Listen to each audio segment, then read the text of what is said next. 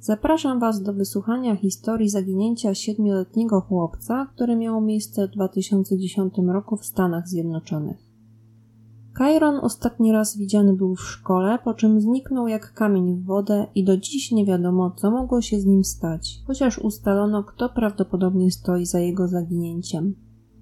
Zapraszam do słuchania.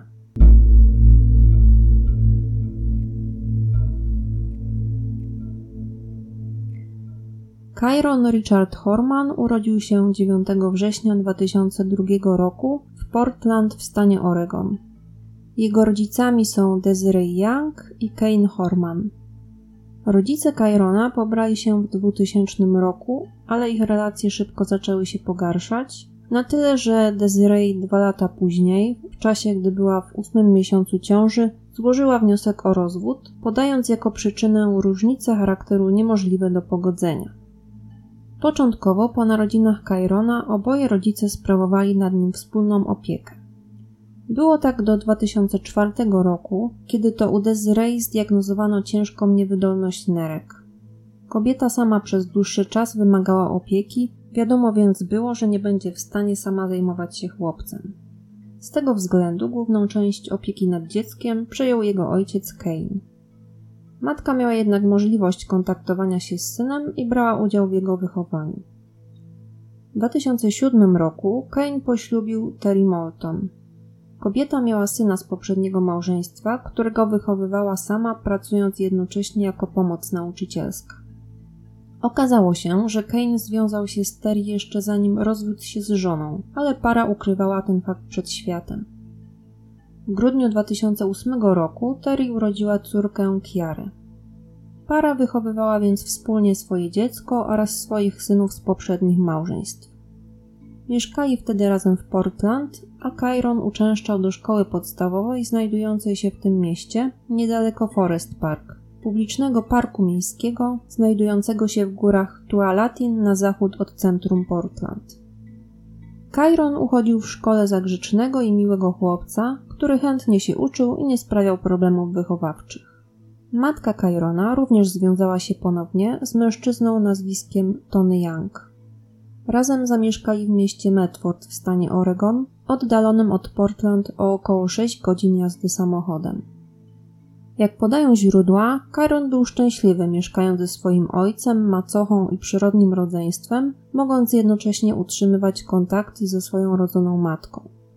Podobno pomiędzy rodzinami nie było kłótni i bez problemu dogadywali się w sprawach dotyczących opieki nad chłopcem. 4 czerwca 2010 roku Kyron został jak zwykle odwieziony do szkoły przez macochę Terry, która tego dnia została z nim chwilę w szkole. 4 czerwca był bowiem dniem otwartym połączonym z warsztatami naukowymi. Towarzyszyła im siostrzyczka Kyrona. Tego dnia w szkole nie odbywały się lekcje, a dzieci uczestniczyły w luźnych zajęciach polegających na zwiedzaniu stoisk naukowych przygotowanych przez uczniów. Jedno z takich stoisk było przygotowane właśnie przez Kyrona i Terry zrobiła mu pamiątkowe zdjęcie, na którym widać chłopca stojącego przy prezentacji dotyczącej żab drzewnych. Około godziny 8.45 Terry opuściła szkołę, zostawiając Kyrona na szkolnym korytarzu. Gdy wychodziła, Kyron szedł w kierunku swojej klasy. Terry następnie udała się na zakupy, które zakończyła około godziny 10.10. .10. Następnie, jak podaje, jeździła z córką po mieście. Ta miała bowiem zapalenie ucha, a jedyne co ją uspokajało to kołysanie podczas jazdy samochodem. Następnie Terry udała się na siłownię, gdzie ćwiczyła do godziny 12.40. Nie znalazłam informacji o tym, co w tym czasie działo się z jej córką. O godzinie 13.21 Terry była już w domu.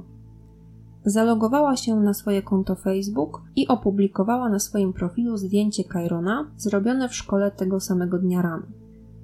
O godzinie 15.30 Terry wraz z mężem i córką udali się na przystanek autobusowy, by odebrać Kyrona.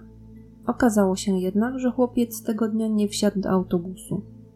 Rodzice natychmiast zadzwonili do szkoły, chcąc dowiedzieć się, gdzie znajduje się ich syn. Zostali oni poinformowani, że Kairon nie pojawił się tego dnia na lekcjach i że został oznaczony jako nieobecny. Po rozmowie z rodzicami chłopca sekretarka szkoły poinformowała policję o jego zaginięciu. Powiadomiono też matkę Kyrona, która natychmiast udała się do Portland wraz z obecnym partnerem. Natychmiast przeszukano szkołę, a jedyne co odnaleziono to płaszcz i plecak chłopca, które znajdowały się w jednej z sal lekcyjnych. Policja rozpoczęła poszukiwania chłopca, obejmujące teren w promieniu około 3 km od szkoły oraz tereny na wyspie Soulby, znajdującej się na rzece Colorado około 9 km od szkoły Cairona.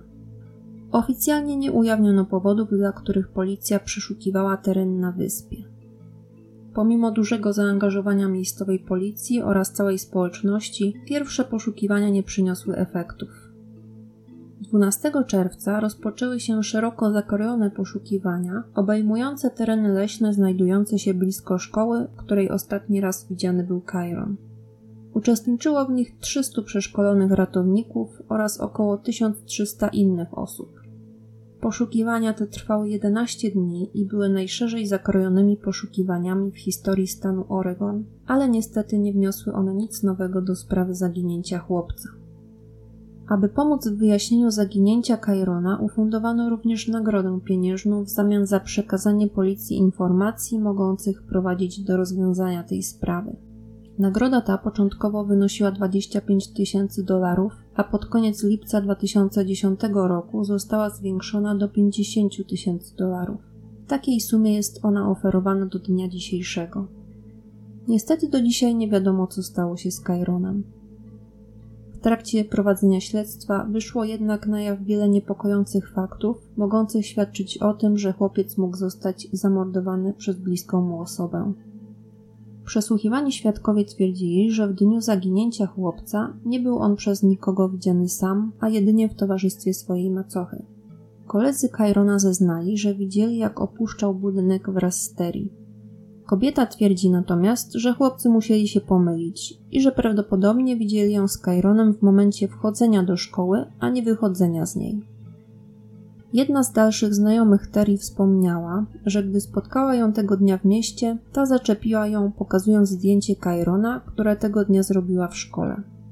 Nie byłoby w tym nic dziwnego, gdyby nie to, że osoba ta słabo znała Terry i nigdy wcześniej nie zdarzyło się, by w momencie przypadkowego spotkania Terry powiedziała do niej coś więcej niż przelotny cześć. Dziwne zachowanie Terry mogło sugerować, że chciała ona w ten sposób zapewnić sobie alibi na czas zaginięcia chłopca. Okazało się też, że Terry zachowywała się dość nietypowo również po zgłoszeniu zaginięcia Kyrona. Zdziwił ją na przykład fakt, że matka chłopca tak szybko po zgłoszeniu zaginięcia przyjechała do Portland, a także to, że będzie musiała podać policji jak najwięcej szczegółowych informacji dotyczących życia rodziny oraz wydarzeń, które miały miejsce tego dnia. Jej zeznania dotyczące tego, co działo się w dniu zaginięcia, były też dość zastanawiające.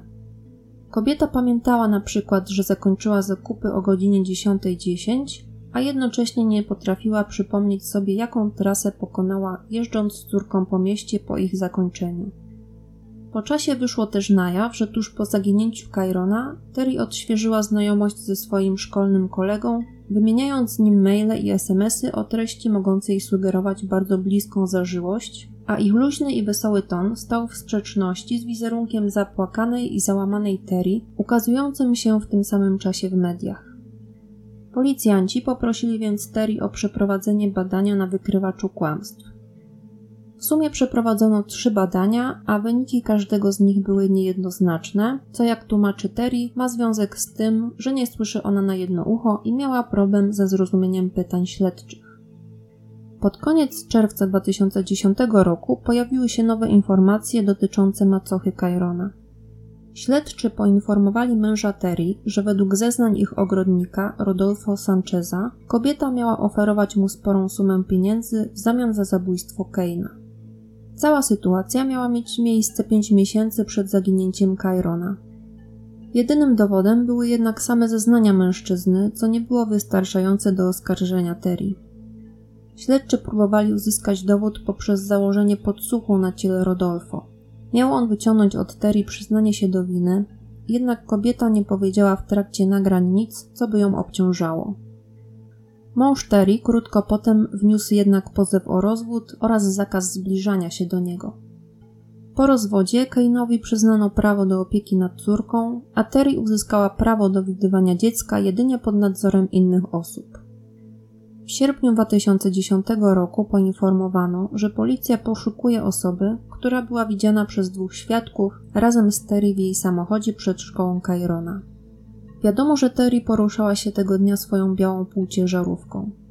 Ona sama twierdzi, że tego dnia przed szkołą Kairona w jej samochodzie nie było nikogo prócz niej samej i jej córeczki. Jeśli jednak świadkowie mają rację, to niestety do dziś tożsamość osoby, która miała przebywać w samochodzie Steri, pozostaje nieznana. Policji nie udało się zebrać wystarczających dowodów na to, że Terry jest odpowiedzialna za zniknięcie Kairona. Nie została ona więc oskarżona o jego porwanie czy też morderstwo. 1 czerwca 2012 roku matka Kairona Desiree Young wniosła natomiast pozew cywilny przeciwko Terry, twierdząc, że była ona odpowiedzialna za zniknięcie Kairona. Zażądała ona od Horman odszkodowania w wysokości 10 milionów dolarów. Proces ciągnął się ponad rok i ostatecznie 30 lipca 2013 roku ogłoszono, że matka Kairona wycofała się z niego, jak twierdzi, aby nie zakłócać trwającego śledztwa policyjnego. Śledztwo w sprawie zaginięcia Kairona trwa do dziś. Najbardziej prawdopodobnym sprawcą jest nadal sama Terry, która być może współpracowała z kimś jeszcze, ale dopóki nie pojawią się jacyś nowi świadkowie mający informacje mogące pogrążyć Terry, a ciało chłopca nadal nie zostało odnalezione, kobiecie nie można postawić żadnych zarzutów. Policja oraz rodzice chłopca cały czas pracują jednak nad tą sprawą, a pogłoski sugerują, że być może wkrótce nastąpi przełom w dochodzeniu. Musimy też pamiętać, że dopóki nie ma żadnych twardych dowodów mogących sugerować winę Terry, musimy brać pod uwagę to, że za zaginięciem chłopca może stać ktoś zupełnie inny.